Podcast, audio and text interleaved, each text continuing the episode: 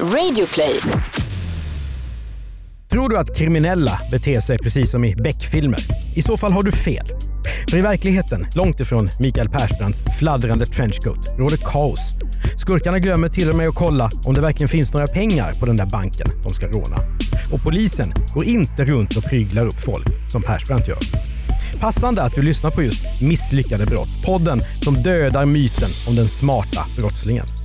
Jag heter Mattias Bergman och nu ska jag berätta historien om tågrånet där skurkarna la månader och tog jätterisker för att planera ett brott som skulle ge 80 miljoner kronor. Men de hade glömt att kolla en sak. Om det fanns några pengar.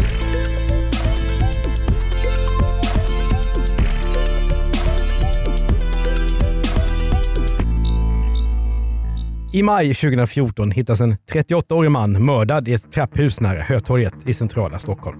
Han har blivit lurad in i en fälla och sedan skjuten till döds. Men mordet orsakar inte någon landssorg direkt. För det här handlar om René Akofelli. Han är en ökänd rånare som bland annat har misstänkts för inblandning i kuppen mot Arlanda 2002. Ett rån där drygt 40 miljoner försvann. René Akofelli är ingen dununge direkt.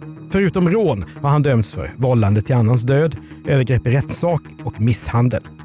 Han är aggressiv, fruktad och orädd. Poliser tycker han inte värst mycket om. Akofeli drar sig inte för att hota utredare som jobbar med att reda upp det som han har ställt till med. Han drar sig inte heller för att försöka skrämma journalister. 2004 åker han på tre månaders fängelse efter att ha dödshotat en journalist på Expressen. Under sitt korta liv är René som en ond bulldozer som kör över allt i sin väg. Både familjemedlemmar och andra kriminella. Och både med verbala hot och nävarna. Men René Akofelli verkar ha haft en helt annan självbild och sett sig lite grann som en entreprenör i rövarbranschen. Nästan som en företagsledare. En ledare som fördelar arbetsuppgifter, håller löpande medarbetarsamtal och kommer med reprimander när anställda inte sköter sig. Detta visar inte minst den märkliga historia som det här avsnittet ska handla om och där René Akofelli spelar huvudrollen. Våren 2007. Tack för alla blombuketterna, ryggdunkningarna, applåderna. Det här är året då Göran Persson tackar för sig som Socialdemokraternas partiledare och Mona Sahlin tar över rodret. Den vanligaste löpsedeln från kvällstidningarna är prisras på platt-tv. På bio ser vi Helena Bergströms första egna film. Superdårarna. Dörrarna stängs. Ska det vara så jävla svårt att säga dörrarna? Dörrarna stängs. Den första iPhone släpps och väcker habegär, även om inte Microsofts VD Steve Ballmer tror på den. $500 fully subsidized with a plan? I said, that is the most expensive phone in the world. And it doesn't appeal to business customers because it doesn't have a keyboard. Which makes Och i Sveriges Television så skrämmer hästen i Göteborgsdramat Andra Avenyn upp folk. Nu lägger du av oss, annars ringer jag polisen. Det vore väldigt, väldigt dumt. Vi vet inte om René Akofelli har suttit och käkat popcorn och inspirerats av det där klippet. Men klart är att han precis som vanligt har sina tankar på nästa stora stöt. Vid den här tiden är det dock inte så enkelt att vara rånare. För säkerhetsföretagen de har skärpt till sig med sina värdetransporter på samma sätt som bankerna. Så att eh, den affärsidén har dött för rånarna. Nu gäller det att hitta andra mål att slå till mot. René tar kontakt med en bekant som har ett fint kontaktnät i den undre världen. Det visar sig att killen har en del information om värdetransporter till postcentralen i Göteborg. Det här tycker René verkar intressant. Kompisen ger René en del papper som verkar vara stulna från ett säkerhetsföretag. Det är svårt att bedöma hur aktuella uppgifterna är. Kanske skulle René ha stannat upp här och tänkt efter. Men han är ivrig att komma igång och vill inte att chansen till de riktigt stora pengarna ska glida honom ur händerna. René börjar räkna på saken och kommer fram till att rånbytet kan bli så stort som 80 miljoner kronor. Fantastiskt! Förutom till ett liv i lyx tänker han använda pengarna i ett gängkrig i norra Stockholm som han redan är indragen i. Han har också planer på att bilda ett eget gäng som ska heta Ärans män. Men för att komma vidare och göra affärsmöjligheten till en verksamhet så måste René Akofelli ha hjälp. Eller snarare, eftersom han ser sig själv som en företagsledare, han måste anställa.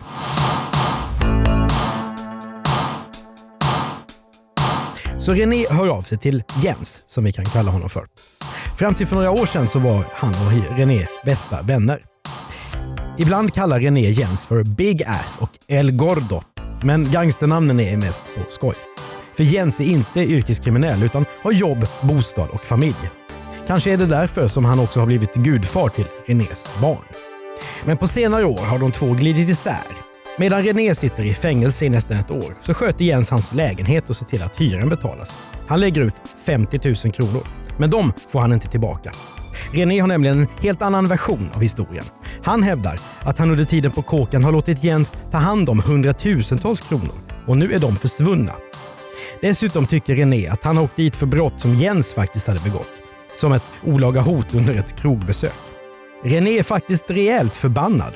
Så efter muck så ringer han Jens och meddelar att det där må vara gudfar, det gäller inte längre. Men nu är ju läget ett annat. För René sitter med inside information om värdetransporter och är därför beredd att, åtminstone tillfälligt, ha överseende med den gamla osämjan. Så han och Jens träffas.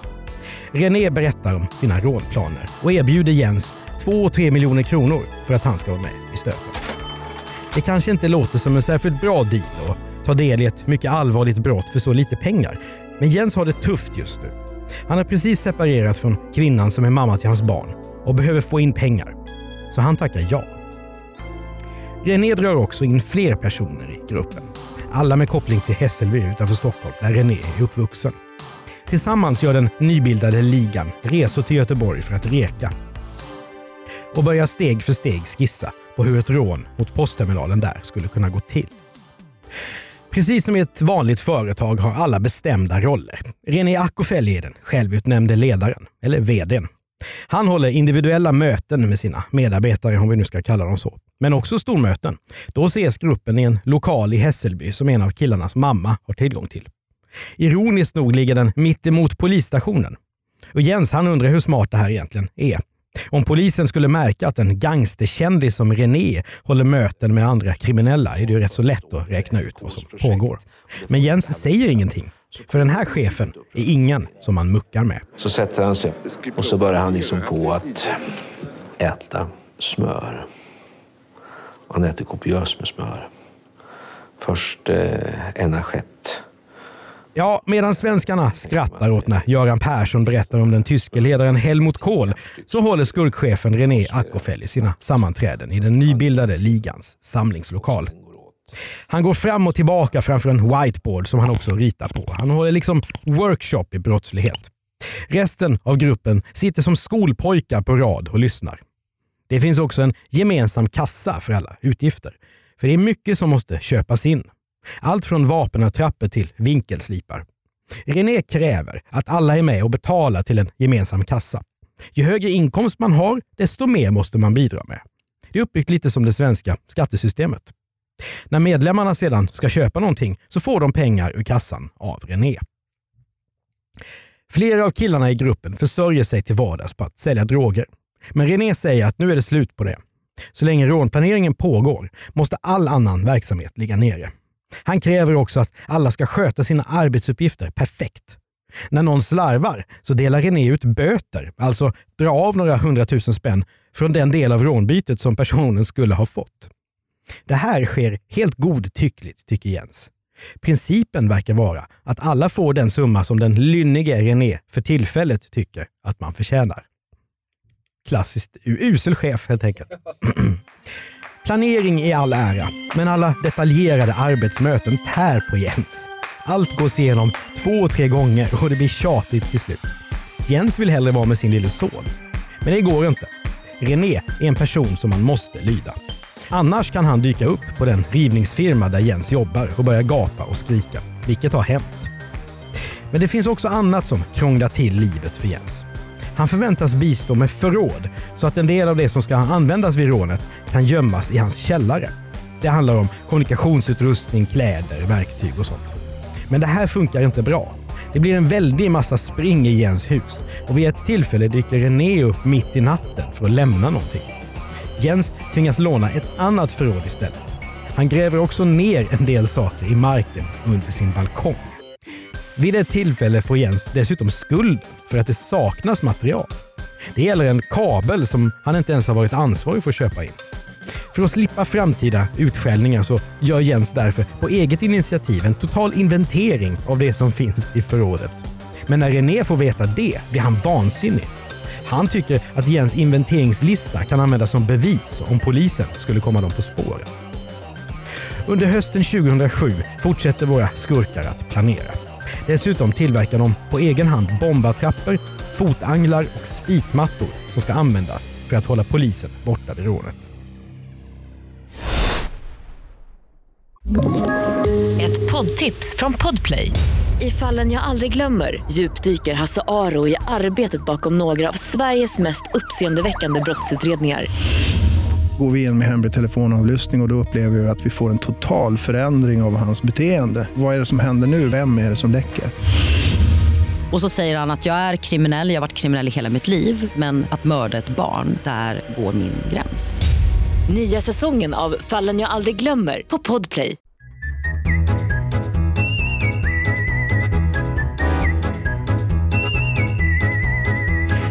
I november känner sig ligan redo och åker till Göteborg. Nu ska de äntligen slå till. Men för att inte väcka misstankar har René bestämt att gruppen ska tälta i skogen i Kortedala utanför Göteborg. René själv däremot, han får bo i en lägenhet. Kanske gör han det för att han misstänker att livet i tältlägret inte kommer att bli särskilt trevligt. Och det blir det inte heller. Tänk nu på att det här är ju inte några scouter direkt, utan kriminella förortskillar från Stockholm. Utan gummistövlar. Några av dem geggar ner sig totalt i ett träsk i närheten. Andra går vilse och har svårt att hitta till tältplatsen. Se det är så jävla korkat. Sina behov uträttar de i skogen. Och maten då, ja, den består av konserver som de har tagit med sig. Killarna har bestämt sig för att inte äta in i stan eftersom ett gäng med så råbarkade män skulle väcka uppmärksamhet. Jens är därför ansvarig för matlagningen, men misslyckas på den punkten. Till slut så tröttnar de andra i gruppen på hans uppvärmda ravioli och väljer att gå till en restaurang och äta pizza och hamburgare istället. Det finns också ett annat problem. Tältlägret ligger i närheten av en brandstation och ibland joggar brandmännen förbi på sin motionsslinga. Det här är ju en säkerhetsrisk. Jens vill byta lägerplats. Men varken han eller någon av de andra vågar ta upp saken med den diktatoriske René. Och i sin lite trevligare lägenhet sitter just chefen René och grubblar ganska mycket på hur de här ska undvika att åka fast. Tänk om det finns radiosändare i de värdesäckar med pengar som rånarna tänker lägga beslag på. René har fått för sig att man kan skärma av signalerna med aluminiumfolie. Nu måste vi stanna upp lite här för det låter ju jättekonstigt. Men René har faktiskt en poäng. En expert som jag talat med säger att det faktiskt går att stoppa vågor över mobilnätet på det här sättet. Men det skulle krävas 500-600 varv med aluminiumfolie virat runt sändaren. Det här vet inte René. Så han ger order om att klä in hela skåpbilen som ska användas vid rånet med tre lager folie på insidan. Tre lager, det är jobbigt nog. Och som alltid när någonting riktigt jobbigt ska utföras så lägger René det på Jens. Sadistiskt nog beordrar han dessutom resten av gänget att inte hjälpa till. Så Jens får slita på egen hand. Föreställ dig nu synen av Jens som kämpar med hundratals meter aluminiumfolie för att sätta rånarbilen i radioskugga. Det är ett elände att få folien att fästa. Jens tvingas använda ett spraylim som innehåller drivgas. Eftersom dörrarna hålls stängda i bilen blir han lite påtänd av gasen, ungefär som om han hade sniffat lim.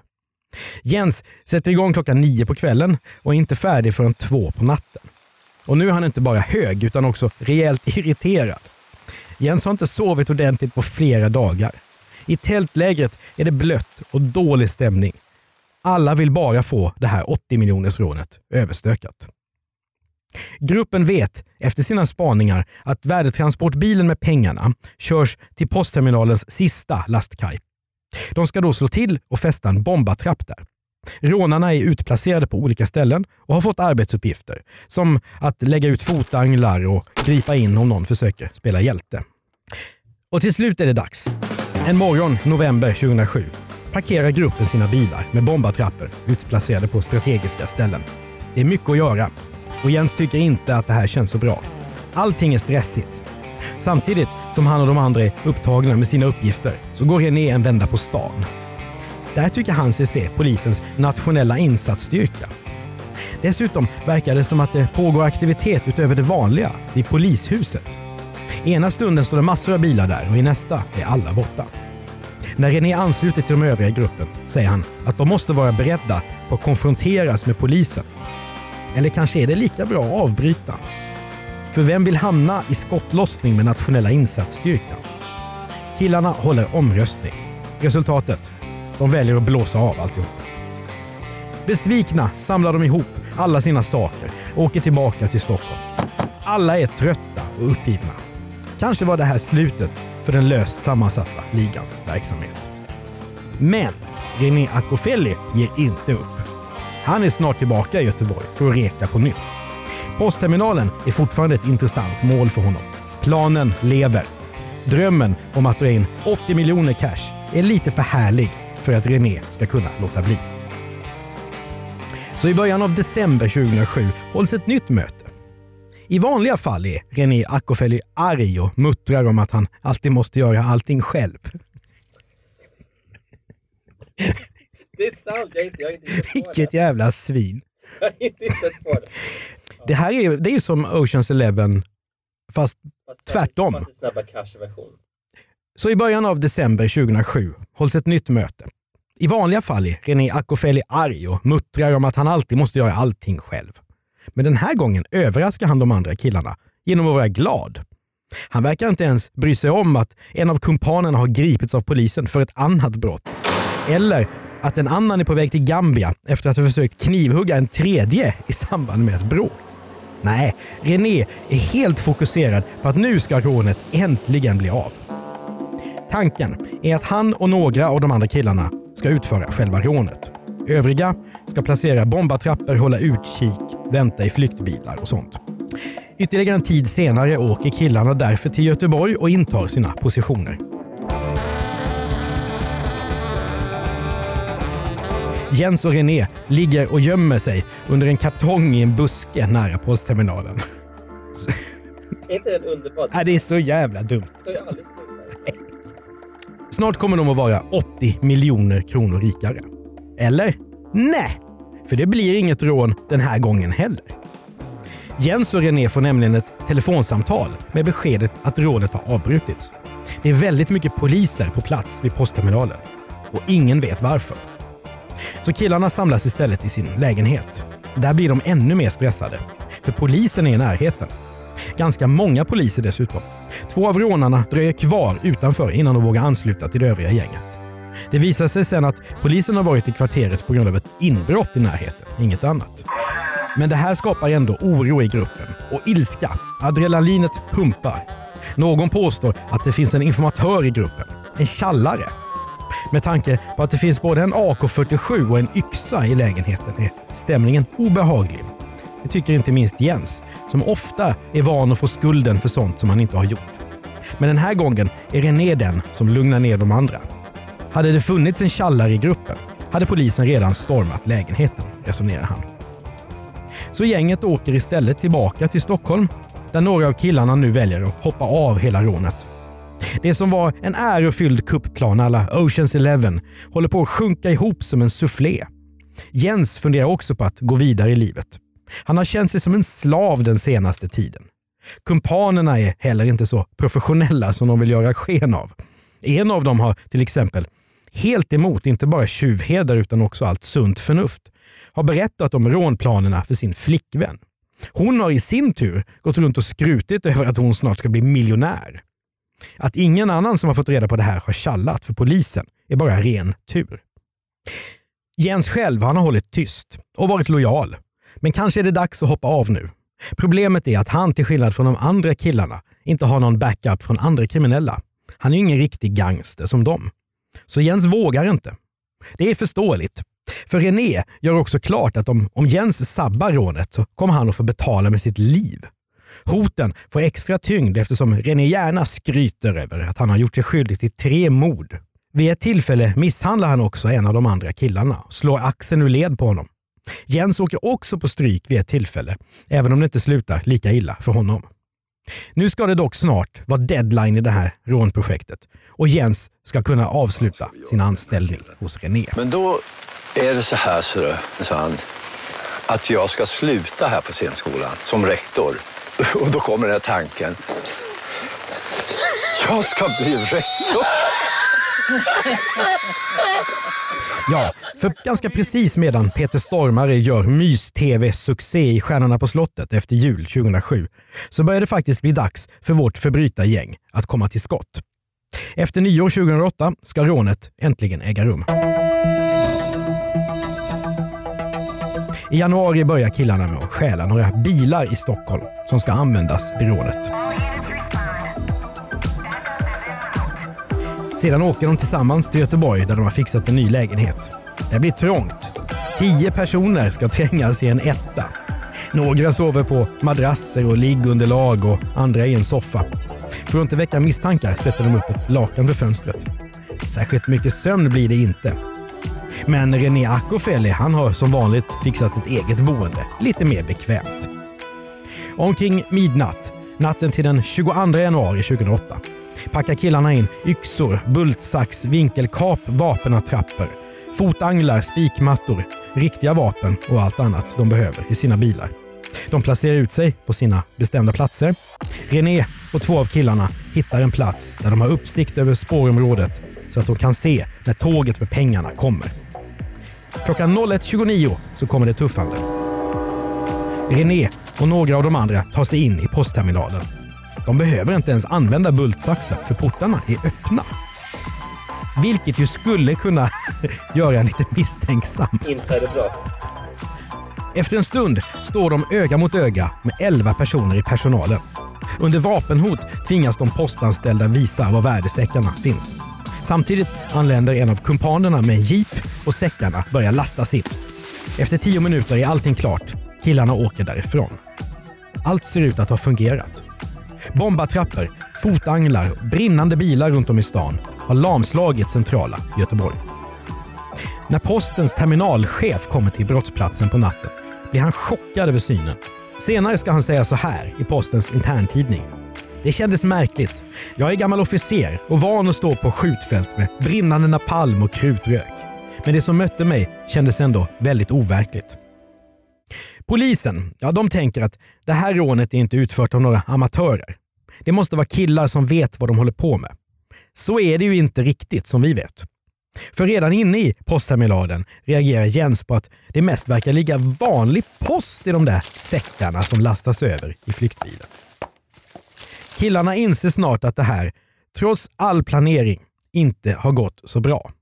Några 80 miljoner kronor är det inte tal om. René skyller som vanligt på Jens, som anklagas för att ha missat en säck med värdefullt innehåll. Men i själva verket är förklaringen en helt annan. Posten har nämligen ändrat sina rutiner och kör inte längre några kontanter med tåg. Det här har René glömt att kolla. Även efter att han åkt fast så hävdar han envist att ja, det fanns visst en massa pengar på tåget.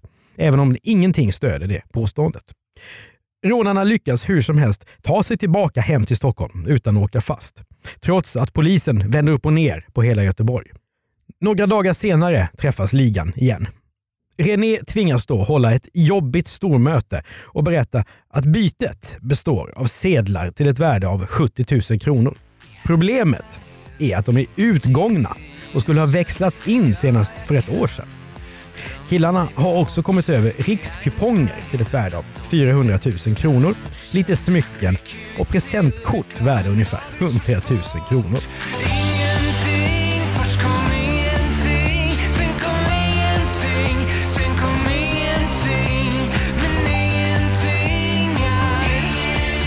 Senare får Jens 5 000 kronor i gamla sedlar. Det går nämligen att växla in dem i Riksbanken bara man visar lägg. Han får också en tusenlapp för de smycken som gänget har lyckats sälja. Rikskupongerna då? Jens får besked om att ingen har lyckats att kränga dem. 6 000 kronor är alltså Jens lön för flera månaders slit. Under dödshot, med ständig ångest och oro.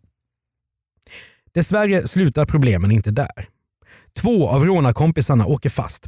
Och eftersom Jens har glömt en del saker i deras bil inser han att nu är det bara en tidsfråga innan polisen ska knacka på hans dörr också. Och precis så blir det också. Lugnt och metodiskt lägger polisen pussel. Killarna plockas in en efter en. Till slut står 16 personer åtalade för brotten. Jens vill till en början inte prata med polisen. Men under tiden i häktet, ensam med sina tankar, börjar han svänga. Jens omvärderar sitt liv och inser att han ofta har varit godtrogen och naiv och hur hårt detta har slagit mot hans familj. Jens känner också stark ångest när han tänker på sin son. Utredarna de snappar upp de här signalerna och låter Jens träffa ansvariga för polisens personskyddsprogram. De som hjälper kriminella som byter sida och gömma sig med hjälp av ny identitet. För om Jens skulle prata så kommer det att finnas ett pris på hans huvud. René kommer aldrig att förlåta honom. I USA kan en person som Jens förhandla med åklagaren om sänkt straff i utbyte mot att tjalla på sina kumpaner. Så fungerar det inte i Sverige. Däremot kan man få hjälp att skaffa ett nytt liv. Kravet är att man måste tala sanning och inte dölja sin egen del i de brott som begåtts. Jens tvekar. Ska han våga ta steget och tjalla? Hans rånkumpan Tristan brottas med samma frågor. Han vill också ställa saker och ting till rätta. Det får räcka med brott nu. Tristan har dåligt samvete gentemot sin mamma som han har svikit så många gånger. Polisen ser till att de två får träffas i häktet. Det är inte olagligt, men ovanligt. Först då känner både Jens och Tristan sig säkra på att de inte är ensamma om att tjalla. Och så bestämmer de sig på varsitt håll för att lägga korten på bordet. Det här är ju som sagt inget som man gör ostraffat i de här kretsarna. Polisen bedömer hotbilden mot de två som så stark att under rättegångarna så kan de inte ens vara i samma byggnad som René och de andra. Istället får Jens och Tristan vittna från hemlig ort via videolänk. Rättegångarna i Göteborgs tingsrätt och hovrätten för västra Sverige blir mastiga historier. Bara domarna är på över 300 sidor. Historien slutar med många och långa fängelsestraff för de 16 åtalade. René döms till sju års fängelse. Tjallarna, Jens och Tristan, får båda tre år. Hur Jens och Tristan lever idag är okänt. Förmodligen gömmer de sig fortfarande, trots att René Akofeli är död. Det är nog säkrast så. Men om vi ska analysera det här misslyckade brottet lite grann. Knäckfrågan är, hur kunde det här egentligen bli ett så totalt fiasko, trots all nedlagd energi och hundratals arbetstimmar? René Akofeli planerade ju nästan ihjäl sin rånarliga. Ja, problemet var snarare att han inte gick till botten med varje problem. René utgick ifrån att tre lager aluminiumfolie skulle räcka för att stoppa spårsändarna. Fel. René tog det för självklart att det skulle finnas pengar i posttåget. Helt fel. Och René litade på att alla i ligan skulle hålla tyst om de greps av polisen. Det visade sig också vara fel. Men framförallt begick René Akofeli misstaget att snöa in på onödiga sidospår som jag faktiskt inte har nämnt ännu. Så vi backar tillbaka lite grann till november 2007. För att förvirra polisen har René Akofeli en långsökt idé om att en mängd attentat mot polisen ska utföras. Det ska börja med klotter och sen stegras. Först tänker han att det hela ska se ut som att det kommer från en militant vänstergrupp. Men så ser René ett inslag i Efterlyst, alla svenska gangsters favorit-tv-program, och kommer på andra tankar. Inslaget handlar om en kriminell rom i Göteborg. René bestämmer sig då för att attentaten ska utföras på ett sätt som gör att polisen tror att det är den romska mannen som ligger bakom. Steg ett är ett attentat mot polisstationen i Angered. Där ska det klottras slagord mot polisen på romani. Och här har René tur, för en av killarna i gruppen kan det språket. Nästa steg är att beskjuta polisstationen i Partille. De två som åker dit har med sig en, en rattlare, en slags hemmagjord k-pist. Men killen som håller i vapnet är så ovan vid det att han av misstag råkar tömma nästan hela magasinet när han skjuter mot polishusets entré och byggnaden bredvid. Ingen blir skadad. Till sist dags för steg tre och det är en attack mot polisens helikoptrar i Säve. Två av killarna tar sig in där och skjuter mot fyra helikoptrar. De klottrar också slagord som liknar dem i polisstationen i Angered. Men det slutar inte där. För nu blir det riktigt konstigt. René vill att det ska bli ännu mer spektakulärt. Så han har skaffat grisblod som killarna får med sig. Det här droppas sedan på marken i syfte att förvilla polisen. Varför det? Jo, för snutar brukar ju kallas för svin, säger René. Men René Akofelis ambitiösa sätt att förvilla polisen och få in dem på sidospår det lyckas ju inte. Istället gör det bara hans egen planering svårare och krångligare. René håller sig helt enkelt inte till företagets kärnverksamhet i tillräcklig utsträckning. Så istället för 80 miljoner i rånbyte slutade det med en säck rikskuponger. Du har hört Misslyckade brott med mig, Mattias Bergman, som gör den här podden tillsammans med Andreas Utterström. Exekutiv producent är Jonas Lindskog. Fortsätt att älska oss genom att prenumerera i din poddspelare och sätt gärna ett betyg så är det fler som hittar till Misslyckade brott. Har du synpunkter på det som du just har hört eller tips om andra fall vi borde berätta om? Mejla gärna till misslyckadebrott@bplus.se. En sak till. Missa inte den nya podden Mayday från Radio Play.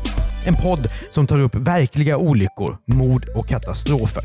Några av de värsta händelserna i världen. Det blir båtolyckor, flygkrascher, stormar och tsunamivågor.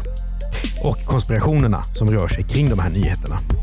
Först ut i Mayday är stormen Irma som lämnade Karibien och delar av USA i total förödelse 2017. Lyssna där du brukar eller på radioplay.se.